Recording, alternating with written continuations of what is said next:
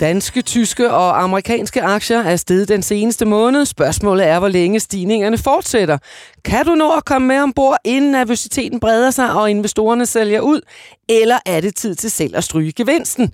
Jesper Langmark, du er partner i Polaris. Hvad mener du? Skal man som investor købe op eller sælge ud? Man skal tænke langsigtet og fastholde sine positioner. Ole Søberg, tidligere formand for Dansk Aktionærforening. Hvad hælder du til? Efter på kort sigt der var så stor stigning, så er jeg ret usikker på, hvad der skal ske, fordi fundamentalerne peger for nuværende i nedadgående retning. Så du er lidt i tvivl. Jeg er i tvivl. Velkommen til jer begge to, og velkommen til denne uges Investor Podcast, hvor vi dykker ned i aktiemarkedet, vender inflationstal, renter og hvilke aktier det kan være interessant at se nærmere på. Og så skal vi høre, hvordan det går med vores portefølje på 600.000 kroner, stillet til råde af Saxo Bank. Er der over- eller underskud? Velkommen til jer begge, og velkommen også især til dig, der lytter med. Mit navn er Tina Rising.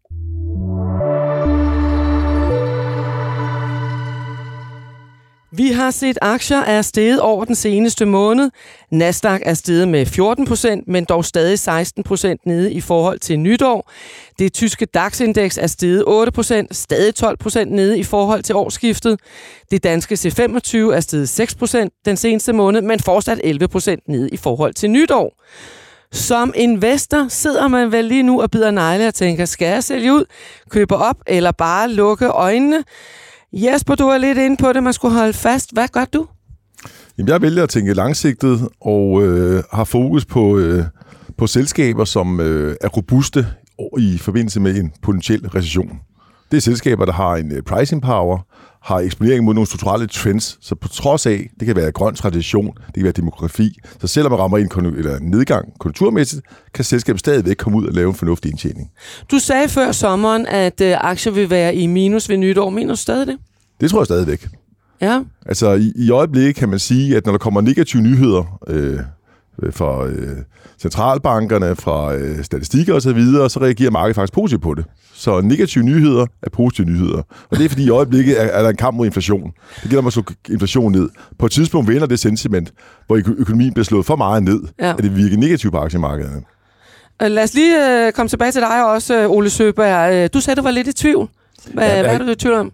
Jamen, det var mere på kort sigt. Jeg er helt enig med Jesper. Man skal selvfølgelig bare købe virks- eller investere i virksomheder, som også er der om 10 og 20 år. Og så hvis der var nogen, der siger, at man skal bare tænke som om, hvis børsen er lukket, hvilke nogle virksomheder kunne du tænke dig i de næste 10-20 år? Og så kun er dem, og så ikke nogen andre, man er lidt i tvivl om. Uh, men på kortere sigt, der er så mange signaler, øh, både positive og negative, så jeg er meget i tvivl om den fundamentale retning. Der er meget, der tyder på, at vi er på vej ind i en sværere periode. Men så kom der i går aftes tal fra Walmart, øh, supermarkedet i USA, og folk de køber det, der hedder nødvendigheder i store mængder. Til gengæld så køber de jo ikke nye øh, brødrester, eller tæpper, eller gardiner, eller hvad man nu ellers køber.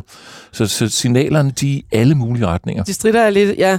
Øh, hos øh, investeringsbanken øh, Morgan Stanley, der er strategerne blevet overrasket over, at det amerikanske aktiemarked er steget fire uger i streg. Størrelsen af dette bear market rally har overrasket mange, inklusiv os, øh, siger strategerne fra Morgan Stanley. Er I også overrasket over størrelsen og vejheden på det her bear market rally?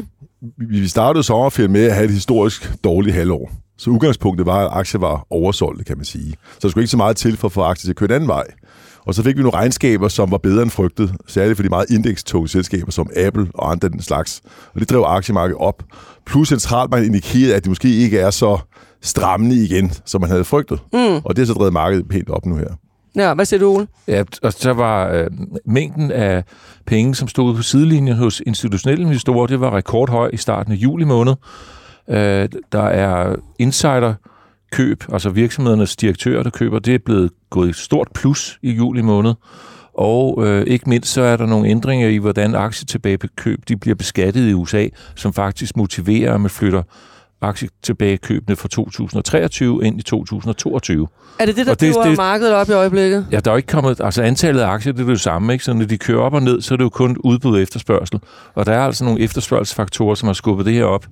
Men de fundamentale faktorer, de viser jo så, triller nedad. Indtjeningssystematerne triller nedad for øjeblikket. Og hvor langt de skal ned... Øh, det er der ikke rigtig nogen, der ved. I, I har jo selv øh, begge lang erfaring øh, på aktiemarkedet. Lad os lige tale lidt om det her, som du er lidt inde på nu, Ole, omkring øh, psykologien i markedet. Altså, ja, når aktierne stiger, så er det jo fordi, der bliver købt mere op, end, end der bliver solgt ud. Øh, til gengæld, så bliver der jo solgt godt ud i foråret, så der må være investorer, måske stadigvæk, som sidder og har øh, penge øh, på sidelinjen, der, der måske er parate til at købe op. Nu har vi jo set de her stigninger fire uger i, i, i streg. Jesper, hvornår kan man vide, om øh, markedet har toppet? Det, det, på lang sigt har det ikke toppet. Altså, det, det, på, på en kort bane kan det godt være, at det har toppet, men på lang bane har det ikke toppet endnu. Så det, det er jo svært at time det her, og det kan vi også snakke om. Altså, det er jo, at time markedet kortsigtet er enormt svært, men det er lettere at, at time de der mere sådan, strukturelle trends. Og nu kan man se i starten af året, der skete et trend med inflationen er vejet stigende.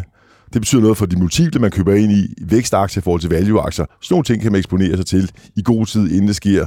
Men, men at time det lige præcis, det er enormt svært. Øh, hvad, hvad siger du, Ole? Kan, kan man time markedet? Man kan forsøge, men der er ikke nogen, der lykkes øh, konsekvent. Hvor, hvor, hvordan øh, timer man markedet?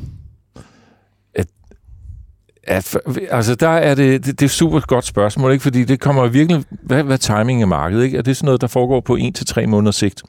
Og der er det øh, sentiment, nyhedsflow og hvordan kursudviklingen ligger i forskellige kanaler, og oversolgt og overkøbt osv. Ikke? Og lige for øjeblikket, så er vi faktisk henne i, jeg tror egentlig, det bliver kaldt en lille smule overkøbt. Jeg læste en kommentar i morges, at det amerikanske marked, det ramte 200 dages glidende gennemsnittet.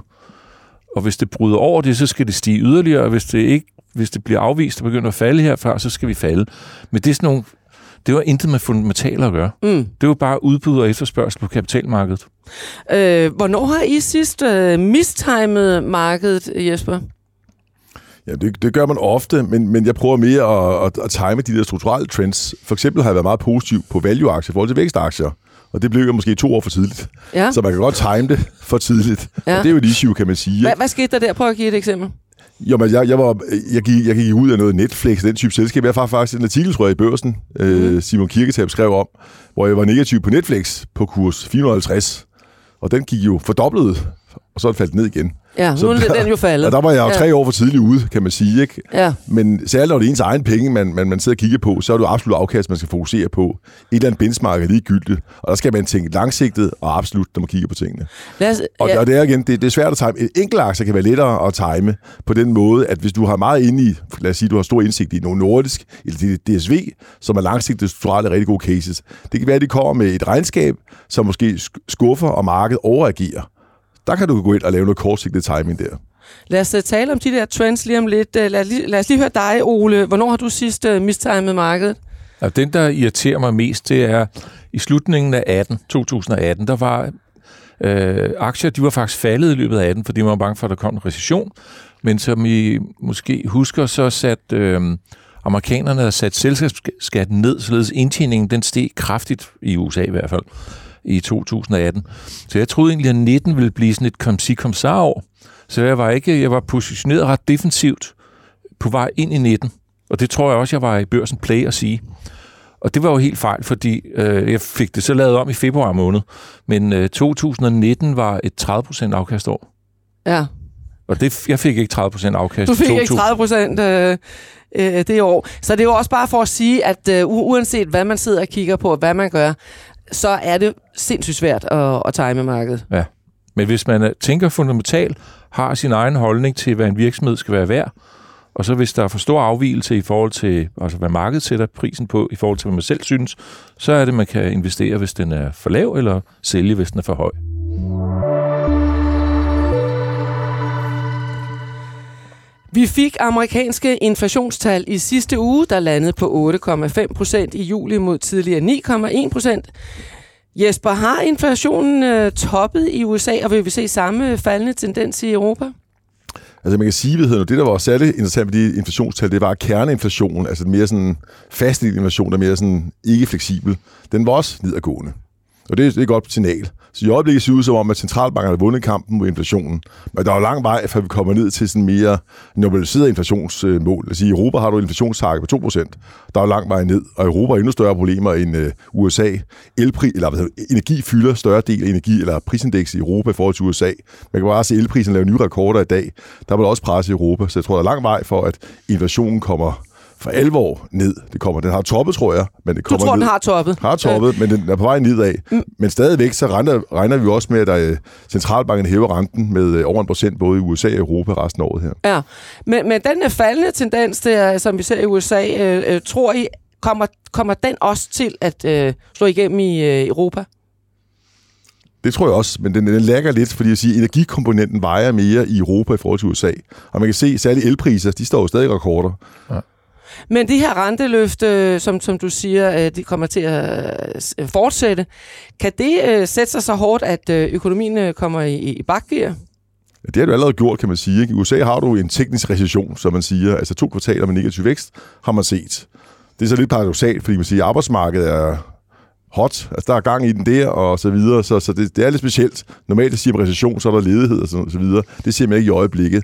Men arbejdsmarkedet er også en laggende e- e- indikator, kan man sige. Så det er spændende at se, hvad det kommende kvartaler, om det har effekt, de her stigende renter på, på arbejdsmarkedet og aktiviteten i samfundet. Men er det noget, man, øh, som I som investorer sidder og frygter i øjeblikket, at renterne kan blive løftet så meget, så at, som, som du siger, øh, Jesper, at øh, økonomien kommer helt ned i gear? Øh, hvis, hvis, du, hvis vi om et halvt år stadigvæk har 8% inflation, og aktiviteten øh, ikke rigtig er faldet, så tror jeg, så kommer renterne til at stige. Det, det, du er nødt til at stands den her inflation, for det er faktisk noget, der laver misallokering af kapital, og det udvander opsparing på lang sigt, og i forhold til tidligere høje inflationsperioder, sådan en som 70'erne, der havde folk jo ikke pensionsopsparinger. Der, var, der havde vi startet med de her systemer, hvor det var øh, staten begyndte at give folkepension, og, og det var jo ikke fondet. Men i dag er det fondet, så udhulingen af, af pensionssystemerne mm.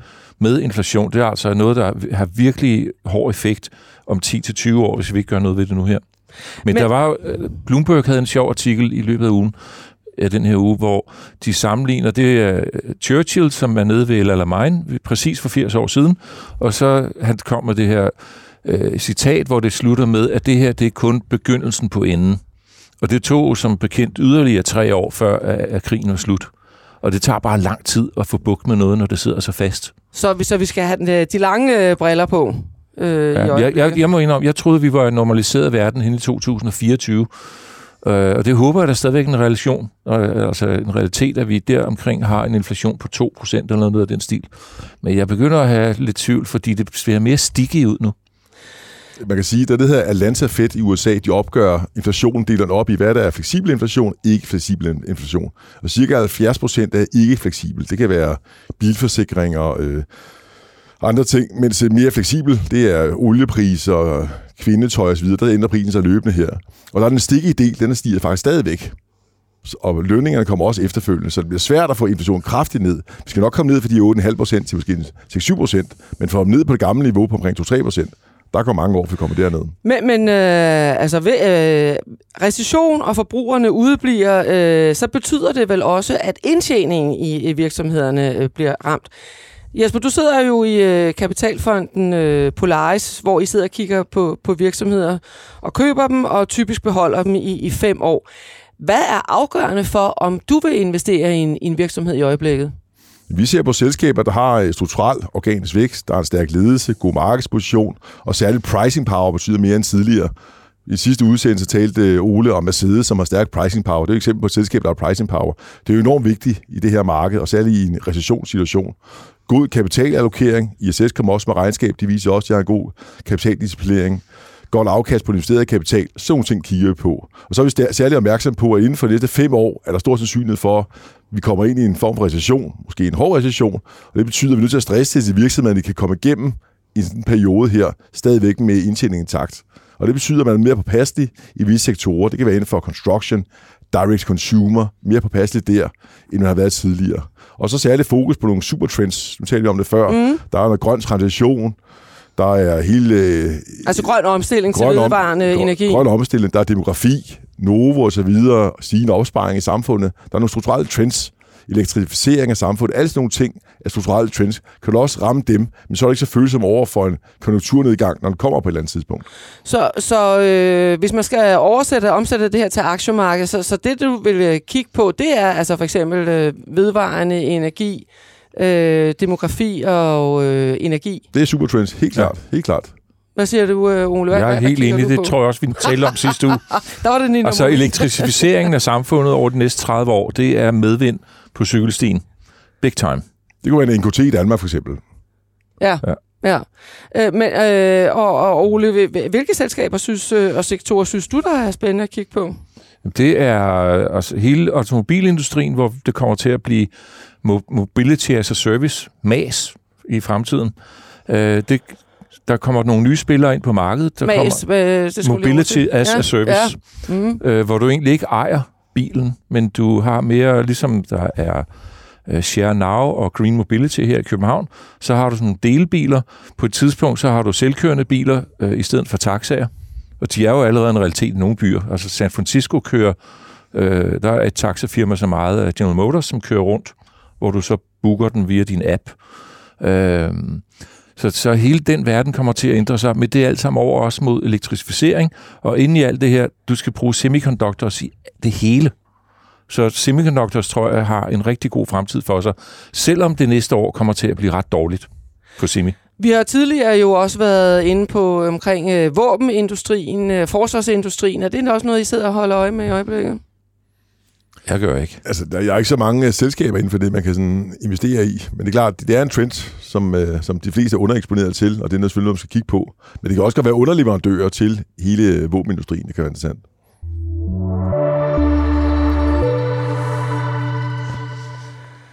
Om lidt så skal vi se på, hvordan det går med vores aktieportefølje, vores All-Star Team, hvoraf vi har jer to siddende her i studiet i øjeblikket, Jesper Langmark og Ole Søberg, sammen med fire andre har investeret for 600.000 kroner stillet til rådighed af Saxo Bank i 12 forskellige aktier.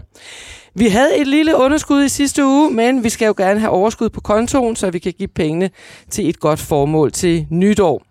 En af de aktier, der har trukket ned i porteføljen, er Hello Fresh, som er den tyske leverandør af måltidskasser. Men aktien gik en 8-9% op på regnskabet i mandags.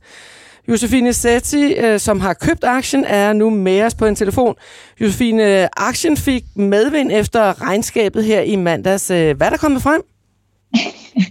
ja, men det var jo desværre ikke uh, helt så meget medvind, som, uh, som man kunne håbe på. Uh, den start, den var jo faktisk op 10 procent uh, på et tidspunkt i løbet af dagen, men uh, det, der tit sker uh, i Hello Fresh, det er, så kommer amerikanerne på arbejde uh, uh, hen i løbet af eftermiddagen der, og de, uh, de kan virkelig ikke lide den aktie. Det er uh, ærgerligt, de kommer på arbejde. uh, ja, de skulle blive hjemme. Ikke? Der, der er rigtig mange uh, amerikanske fonde, der er short i den og så videre, og, uh, og så, så den endte ikke med at stige så meget. Um, men øh, ja, jeg er jo selvfølgelig super ked af, at øh, jeg er kommet med sådan en dårlig investering til porteføljen, men jeg tror nu stadig, der er en ret god sandsynlighed for, at øh, vi kan komme øh, i mål øh, med den i år her, så længe økonomien ikke klapper helt sammen, kan man sige. Men den kom jo med regnskab i mandags, øh, og øh, Q2-regnskab, det var, øh, det, var, det var rigtig fint øh, regnskab. Det var også lidt bedre, end øh, analytikerne havde forventet. Det, som gør, at, øh, at folk, altså at den stadigvæk lidt er i boksen, og folk ikke er glade, det var, at de her i, over sommerferien, hvor den jo faktisk øh, var i stor modvind, kan man sige, var ude med en, en mindre nedjustering for hele året. Øhm, ikke for kvartalet, men, men for hele året. Øhm, og det, øh, det kunne markedet altså virkelig ikke lide. Øhm, så, så, men nu kom de ud med et, et fint Q2-regnskab. Altså, de har, øh, det var det bedste Q2, øh, de nogensinde har haft, både i forhold til top- og bundlinje. De vokser stadig rigtig pænt. De har været rigtig gode til sådan at håndtere hele det her inflationspres, så deres marginer var stabile i andet kvartal osv. Hvis man skal pege på noget, der måske ikke var sådan helt øh, fantastisk, så var det det her med, at øh, det var lidt sværere for dem at få nye kunder ind øh, i kvartalet. Øhm, men, men der har jo også, som tror jeg alle ligesom øh, du ved, vil være enige i. Der har jo også været helt vildt meget rejseaktivitet øh, i forhold til sidste sommer og forrige sommer selvfølgelig, hvor der var corona og så videre. Og folk har generelt bare, du ved, rejst mere, spist mere på restauranter og alt det her. Og sådan så, så der så de sådan en lille smule øh, lavere, øh, hvad skal man sige, kundetilgang, end de måske havde forventet. Øhm, men helt grundlæggende er de stadig super komfortable med, øh, med deres, øh, hvad skal man sige, guidance, øh, især den her 2025 guidance, hvor de mener, de vil, de vil komme i mål. Øhm, og grunden til, at de er ude og nedjustere toplinjen lidt, det er 2-3 procent, de er ude og nedjustere både top- og bundlinjen. Det er ikke særlig meget. Det er simpelthen bare for at være konservativ, fordi at de ved ikke, hvordan andet halvår bliver. Øh, der er meget øh, hvad skal man sige, usikkerhed på makro øh, og så videre. Øhm, og det vil de egentlig bare gerne tage højde for, kan man sige. Og så i forhold til øh, hele det her øh, internet, øh, forbrugsaktier osv., så, så outperformer de øh, altså betydeligt deres peers, fordi hvis du tager sådan noget som Zalando og Boost og Asos og sådan noget, så er de jo kommet med, med meget større profit warnings og, og nedjusteringer mm. til toplinjen for hele året end Hello Fresh er. Ikke? Men, men, men, øh, men nu skal vi ja. jo gerne have, have overskud øh, på, på kontoen her, øh, ja, Josefine. Ja. Altså spørgsmålet er jo, er, er du tilfreds med din investering? Tror du stadigvæk, der er noget øh, fod i den, øh, eller skal den skiftes ja, ud på et nej, tidspunkt? Nej, det, det, det tror jeg ikke, fordi som sagt, jeg tror desværre ikke, der kommer til at ske noget her lige på den korte bane med Hello Fresh, for det kunne man også se på reaktionen på regnskabet jo, øhm, at altså folk folk er ikke overbevist. Folk er stadigvæk øh, dømt den lidt ude, tror ikke rigtig på den, er bange for, at de ikke sådan kan vokse helt så meget, på trods af, at de bliver ved med at bevise det modsatte. Så jeg tror, investorerne eller markedet, de vil gerne have i hvert fald altså et, måske to kvartaler mere, hvor uh, Hello Fresh leverer uh, som guided uh, og overrasker positivt. Um, og så tror jeg, at folk vil begynde at uh, lukke deres shorts og, og begynde at blive mere positiv på den, og der måske også kan komme uh, nogle opjusteringer uh, til selsk altså, uh, fra analytikere osv. Men, men lige på den korte bane tror jeg ikke, der sker så meget, men derfor synes jeg stadig, at vi skal, vi skal beholde den. Vi skal beholde um, den, okay. Ja. Lad, os lige, lad os lige høre panelet her i uh, studiet.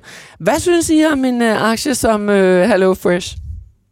Hvis man starter på, øh, på det mere fundamentale. Vi, vi får Hello Fresh vi får øh, tre måltider hver 14. dag. Og det har jeg gjort siden marts måned. Og jeg må indrømme, at jeg synes, man bliver sådan en lille smule træt af det. øh, og det, det er faktisk problemet for virksomheden, ja. tror jeg. Mm. Øh, så jeg, vi overvejer bare at tage tre måltider en gang om måneden i stedet for. Ja. ja. Fordi det er jo sund mad, og det er, det er, der er god inspiration i det. Du får nogle nye retter. I går fik vi citrontorsk, øh, som var faktisk ret god. Men øh, øh, det er ikke noget, jeg gider at stå og lave det gider du bare ikke være Så lidt lavere frekvens. Men så når jeg kiggede på deres øh, performance, så var Consensus havde ligget på, jeg ved ikke om, om Consensus var tilrettet deres uh, guidance, de gav en update før i juli måned. Ikke? Uh, ja. Den lå på omkring 2 milliarder, og så kom de ud og siger, at omsætningen var 1,6 milliard euro. Uh, men til gengæld var lønsomheden meget bedre end ventet. Ja, den det, var 1,96 uh, i, i Q2 der, så det var meget tæt på de to der. Ja. Og jeg har bare skrevet 1,6 her. Okay. Ja. Nå, så ja. var, men, men lønsomheden var meget bedre, ikke? Jo, den var øh, På 10 procent, og der var ventet 7 procents margen. Så hvis de kan holde de her mm. dynamikker, og så i stedet igen på konsensus, ikke, så vokser selskabet med 15 procent øh, om året på omsætningen næste par år, og lønsomheden løftes, og de er jo kæmpe cashflow positive. De, hen ja. i 2025 har de 1 milliard øh, euro net cash. Ja at de genererer rigtig meget cash, og de har jo stort set ingen gæld heller. Um. Hvad, hvad siger du, øh, Jesper? Er Hello Fresh øh, sådan en aktie? Er det noget for dig? Jeg kender ikke selskabet super godt, men øh, Ole er et godt eksempel. Altså, velhavende folk kan bedre absorbere øh, prisstigninger i samfundet og måske kommende, øh, kommende recession. Men der er andre, der måske vil fravælge at få øh, mad mm. for sådan et selskab, og selv smøre madpakkerne og lave maden selv i køkkenet. Så det var ja. lidt bange for makrokonsekvenserne for det her selskab. Hvad siger du til det, øh, Josefine? Altså, jamen, folk selv jamen, det, maden? Ved du hvad, jeg, vil, jeg vil faktisk sige, at øhm, de, de kommer, de bruger tit den samme graf øh, til deres øh, earnings calls, øh, som er super spændende. Øh, jeg vil lige jeg kunne vise det, kan jeg så ikke. Men, øh, men det er, hvor de ligesom tager og siger, USA, det er jo deres største marked, det er halvdelen af deres toplinje. Så siger de, okay, øh, de, de vil jo rigtig gerne være konkurrencedygtige i forhold til supermarkederne. Så lige siden de startede, så har de tracket og sige, hvis vi nu tager vores mest populære måltidskasse, øh, Øhm, det vil sige, det er tre måltider om ugen til to personer. Hvis nu man skulle gå ned og købe ind til det, i et supermarked i, i USA. Uh, øhm, hvad vil den, uh, hvad skal man sige, hvad vil den basket koste versus hvad du betaler hos øh, uh, Hello Fresh? Og der har Hello Fresh altid været, uh, været billigere, end hvis du går i supermarkedet uh, og køber det. Og lige nu her i år, hvor fødevareinflationen har været så høj, som den har været, og supermarkederne, uh, især i USA, har sat priserne kraftigt op, så er det faktisk, altså, så er det faktisk 32 procent dyrere at gå i supermarkedet og købe ind til sådan en kasse her, uh, end det er at bestille den øhm, fra Hello Fresh. Øh, så det er også det, der er sådan lidt, altså hele deres, øh, hvad skal man sige, øh, altså noget af det, de prøver at slå sig på, det er det der med, det er lettere, men det er faktisk også billigere. Øhm, men, men derudover er jeg enig med Ole. Altså, jeg tror også, vi har været godt vant med mål, øh, årstiderne og så videre herhjemme i Danmark. Jeg er heller ikke kæmpe fan af, af Hello Fresh's multidskasser, men, men det er der altså rigtig mange, øh, det er der altså rigtig mange andre, der er. Okay, øh, hvad ja. det? Øh, vi, så, øh, den får fortsat en, øh, en, en, en, en Lad, øh, den er super god, den jeg kommentar, fordi ja. lad os se om to år, hvordan det faktisk er gået med virksomheden. Ja, Ja. lad os, lad os se, Men de hvordan ikke, det jeg synes ikke, vi har mødt med dem, og jeg synes ikke, de er sådan synderligt flinke til at fortælle om churn. Nej, okay, men lad os se. Nej, men, det, ja, men det jeg kan sige i forhold til det, du sagde, Ole, det der med at aflyse og sådan noget, de, den, den, vi- de, vi snakker også altid om de her cancellation rates, øh, og de falder over tid. Altså, øh, så, så, så øh, man kan sige, den, øh, hvad skal man sige, din egen øh, anekdotiske øh, observation, det er, det er i hvert fald ikke det, de oplever sådan helt overordnet. Der har de øh, faktisk faldende cancellation rates, altså at folk afbestiller de der kasser og så videre. Ikke? Tak skal du have. Øh, nu skal vi nemlig videre her i med vores lille portefølje, som øh, jo ud over Hello Fresh Action består af Mercedes, SimCorp, ISS, Tryg, Danske Bank, Merck og Stora Enso, Biogaia og Elekta, Asbury Automotive Group og International Petroleum Corporation. Og udover Josefine Sassi, som vi lige havde med her på telefonen, og jer to i studiet, Jesper Langemark og Ole Søberg, så består vores All-Team, All-Te- All-Star-team af Peter Bækgaard, Lars Hyting og Nina Movin. Om lidt så har vi børsens investorredaktør Simon Kirketab med os på en telefon. Jesper Langmark, vi skal lige høre dine to aktier, Asbury Automotive Group og International Petroleum Corporation. Hvad er der kommet af nyheder for de to selskaber hen over sommeren? Der er kommet to rigtig stærke Q2-regnskaber. Lad os starte med International Petroleum.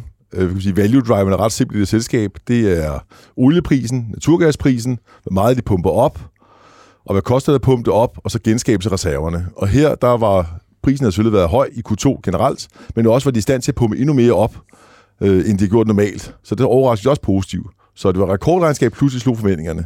Men aktien er jo meget drevet af de kortsigtede udsving på, øh, på olieprisen, og den har været faldende over sommeren. Så aktien startede faktisk med at være den bedst performende i årstreget på porteføljen inden sommeren, og du falder tilbage igen og ligger stort set flat i forhold til udgangspunktet. Er du stadigvæk øh, tilfreds med den investering? Absolut, fordi den havde også en spredningseffekt i porteføljen, fordi vi har ikke nogen energi i porteføljen. Mm. Og det kan man også godt se, da porteføljen havde det svært, så lå International Petroleum faktisk gjort det rigtig godt. Ja. Og det er de også gode til. De har en god kapitaldisciplin. Så de har sagt, vi kan ikke købe noget op i markedet, det er for dyrt, vi køber egen aktie tilbage. Og den anden, øh, hvordan går det med den? Men Asbury, de kom også med, øh, med regnskab, og det var øh, super stærkt. Øh, bedre end, end, end, øh, end frygtet, han har sagt. Men de satte også nye rekorder på, øh, på salget eller hvad hedder det, på, på indtjeningen. Men det samme som Mercedes er udsat for, de sælger ikke så meget, men det, de sælger, sælger til meget højere priser. Mm. Og det er styrke ved det her. Så de har virkelig pricing power. Og det, som, som der også er stærkt ved det regnskab, det er noget, man ikke tænker så meget over, men det er hele sige, reservedels indtjening. Reservedele, det tjener du rigtig mange penge på. 35 procent af indtjeningen kommer faktisk fra reservedele. Det er klart, når, når man ikke køber så mange nye biler, så køber man de gamle biler, de skal repareres, og der laver man altså en god marginal på det. Så, så den er du også øh, tilfreds med, kan næsten... Den er så godt det ganske udmærket. Den er op med 17 procent i år. International Petroleum er også op med over 100 procent i år. Så vil sige, kortsigt har det ikke gjort det så godt, men folk, der har været en stor hele året, er meget, meget tilfredse. Så skal vi lige høre, om øh, vores øh, investorredaktør Simon er tilfreds med øh, porte, porteføljen. Øh, Simon, hvordan ser det ud? Jamen altså, øh, man siger jo, at øh, man skal ikke lade sig følelsesmæssigt påvirke øh, sine investeringer, men altså, jeg vil da sige, jeg har da svært ved øh, ikke at være i godt humør, når jeg øh, kigger ned i øh, porteføljen her. Altså, det er jo faktisk gået øh, fremragende, siden vi, øh, vi talte sammen øh, i øh, sidste uge. Og øh, Jesper, altså Asbury øh, hjalp da rigtig godt til i går med en stigning på øh, næsten 7 procent i, øh, i tirsdagens handel, så det var jo øh, fantastisk. Det var god timing. Så sam- ja, det må man sige. Øh, så altså, samlet, der har vi, øh, der har vi lavet øh, over 3,2 procent i afkast på nu. Øh, så efter en øh, lidt hård start, hvor vi har været under vand, så har vi faktisk øh, stort set øh, indhentet det tabte øh, nu på vores portefølje her, som startede på øh, 600.000 kroner i, øh, i øh, depotværdi. Øh, den ligger sådan lige et par tusind kroner under nu, så, øh, så det, er jo, øh, det er jo rigtig dejligt, og altså øh, særligt dejligt med øh, porteføljens øh, smertensbarn Hello Fresh, som øh, Josefine jo øh, talte øh, godt om før. Altså, det med, vi bundede jo i kurs 25 i slut juli, og nu er vi der øh, oppe i kurs 30. Men altså stadigvæk, øh, stadigvæk et godt stykke op til vores købskurs på 38. Vores to bedste aktier, det er, øh, det er nogen, hvor jeg øh, ligesom må erkende, at øh, da vi købte dem, øh, så, øh, så sagde jeg til Lars Hytting, som øh, stod for indkøbet der, at det var der sådan to lidt kedelige konservative valg. Men øh, det var øh, forsikringsselskabet Tryk øh, og servicekoncernen ISS, som vi nu ligger op med øh, knap 11 procent og øh, 16 procent på. Så det er ligesom udviklet sig til at være, øh, være trækhestene. Øh, Lars han kommer øvrigt ind i næste uge, så der skal vi jo ligesom krydsforhøre ham om, øh, der stadigvæk er mere at hente i dem. Øh, men altså, ISS øh, kom jo med regnskab i øh, sidste uge, øh, hvor de lavede en opjustering. Øh, de forventer nu en organisk vækst på øh, 5% for øh, 2022 mod tidligere 4%. Driftsmarginen skruer de også op for. Øh, så det ser, jo, øh, det ser jo rigtig godt ud der. Det er jo sådan en aktie, som, øh, som egentlig har haft det lidt svært. De gik på børsen i kurs øh, 160 i øh, 14, så den var helt nede i 80 for et par år siden, og øh, nu er den sådan over 140 igen. Men Jesper, jeg ved jo, at ISS, øh, det er en af de aktier, der også ligger i din øh, private portefølje. Så kan du ikke lige prøve lige at, øh, at sige lidt om, hvad, hvad er det, der giver den medvind her? Nå, det er klart, det hele, det hele genåbningen af, af, af samfundet, det giver dem selvfølgelig, at øh, organisk vækst kommer op igen. Men det, som er meget vigtigt for mange investorer, folk har været meget skuffet over deres øh, kapitaldisciplin. De har købt selskaber op i stor grad, og basalt set solgt den efterfølgende til halv pris i stedet for at lave share og andre ting. Så, så deres, Ja, er kapital, deres har været øh, meget, meget dårlig historisk set. Og der er nye boller på suppen, så man får lidt et, et nyt ISS, ISS, der er skabt af Jakob Aarup og alle de gode folk der er i ISS, og det er super vigtigt. Det gør bare, at der kommer nye investorer ind i selskabet lige pludselig, som ser det som en mere langsigtet, defensiv selskab. Og nu taler vi om pricing power. Det de også skal gøre, det er jo at vælge priserne over. Priserne stiger generelt på, på lønninger osv. Det kan de vælge over til kunderne, og det er også en styrke ved det her selskab. Så det er også et selskab, som er relativt robust over for en konjunkturnedgang generelt set. Så ved jeg jo, at der kommer en kapitalmarkedsdag i, øh, i november, og det er jo sådan øh, ofte der, hvor selskaberne de går ud og skruer på deres øh, finansielle mål og sådan noget. Er det øh, som investor i selskabet, er det, øh, er det noget, du ser, øh, sidder og ser frem mod? Det er klart. Altså, det er en super vigtig dag, hvor man virkelig kommer til bunds i det, og øh, investorer på, øh, eller globalt set, får mulighed for at lære selskabet at kende. Der kommer også nye investorer, som ikke er investorer i dag, ind og høre selskabet, og det kan være, at de bliver overvist om det, også bliver langsigtede investorer i selskabet. Så det er en meget, meget vigtig dag for selskabet og aktionærerne. Det er jo ISS' fortræffeligheder, og Ole, så øh, skal vi lige have fat i dig, fordi øh, SimCorp, Yes. øh, den vendte vi også i sidste uge, og der sad vi jo spændt og ventede på, øh, på regnskabet, der skulle komme. Øh, det er jo til gengæld ikke øh, så godt ud. Øh. Vi har vel sådan rundt regnet tabt øh, 10 procent, øh, siden vi snakkede sammen sidst. Og det, Hvad, øh, hvad er der gået galt? Ja, anden kvartals performance, det var lidt af en øh, sur karklud. Altså, øh, både omsætning og indtjening, de levede overhovedet slet ikke op til forventningerne. Der kom ikke nogen nye ordre i løbet af anden kvartal. De siger så, at øh, der, de er, arbejder på en stor ordre, som forhåbentlig dukker op her i tredje kvartal, men i hvert fald inden årets øh, udgang, fordi guidance den er så blevet fastholdt. Men der var nok nogen, der havde håbet på, at det var gået lidt bedre, og så gik aktien fra, jeg tror, den var i 560, ned til kurs øh, 500. Og det var ærgerligt, fordi vi har købt den ind på 513, mener jeg, i portføljen. Øhm, de holder kapitalmarkedsdag i London i starten af oktober måned. Og der var de meget tydelige på, at det bliver altså en, øh, en non-event, forstået på den måde. Der kommer ikke nye finansielle mål, og hvis der var nogen, der havde sat næsen op efter det, så er de så også blevet lidt skuffet. Men det er sådan en øh, lær selskabet at kende event, fordi de er i gang med den her trans- transformation fra at være et mere traditionelt øh, softwareselskab til at blive en en til af de her software as a service, et SaaS-selskab, hvor du faktisk køber en stol, om man så må sige, i clouden, og så den vej rundt kan du få dine øh, porteføljestyringssystemer eller compliance-systemer og sådan noget leveret på den måde. Men det der med, at du siger, at de fastholder forventningen, kan vi, kan, du så, kan vi så se frem til, at der kommer en øh, stor ordre her i løbet af de næste par måneder, som kan sende øh, kursen op? Ja. Altså hvis der kommer i morgen en stor offentliggørelse af en stor ordre øh, på det nye cloud-system, eller den platform, de sælger det på, så tror jeg, så hopper aktien op igen. Så, så du holder fast så... i uh, investeringen? Jamen, vi, det, det var jo det, vi talte om før mødet, eller vores, øh, før vores øh, udsendelse startede dag, at øh, vi kan jo lave om i portføljen. Det var mm. Jesper heller ikke helt klar over.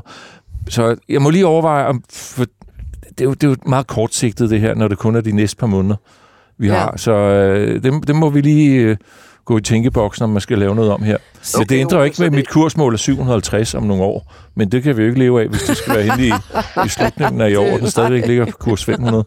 Nå, men det vil sige, at du overvejer lidt, om vi skal til at øh, røre den, og ikke, øh, ikke bare læne os tilbage og håbe på, at der kommer en, øh, en stor ordre ind ad døren. Ja, og hvis der kommer en stor ordre ind, og den stiger kraftigt, så kan man også overveje at finde noget andet og finansiere, salg, øh, finansiere det med salg af SimCorp.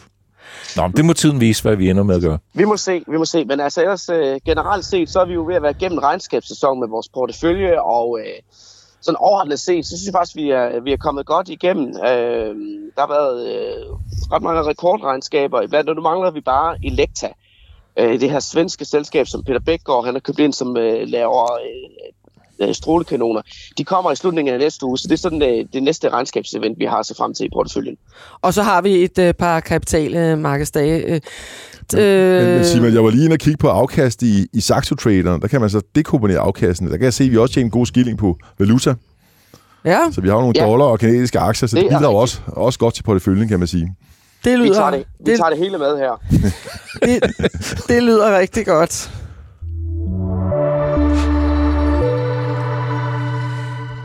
Det bliver spændende at se, hvordan det går de næste uger med vores øh, portefølje. Vi skal til at slutte in vores Investor-podcasten øh, for denne omgang.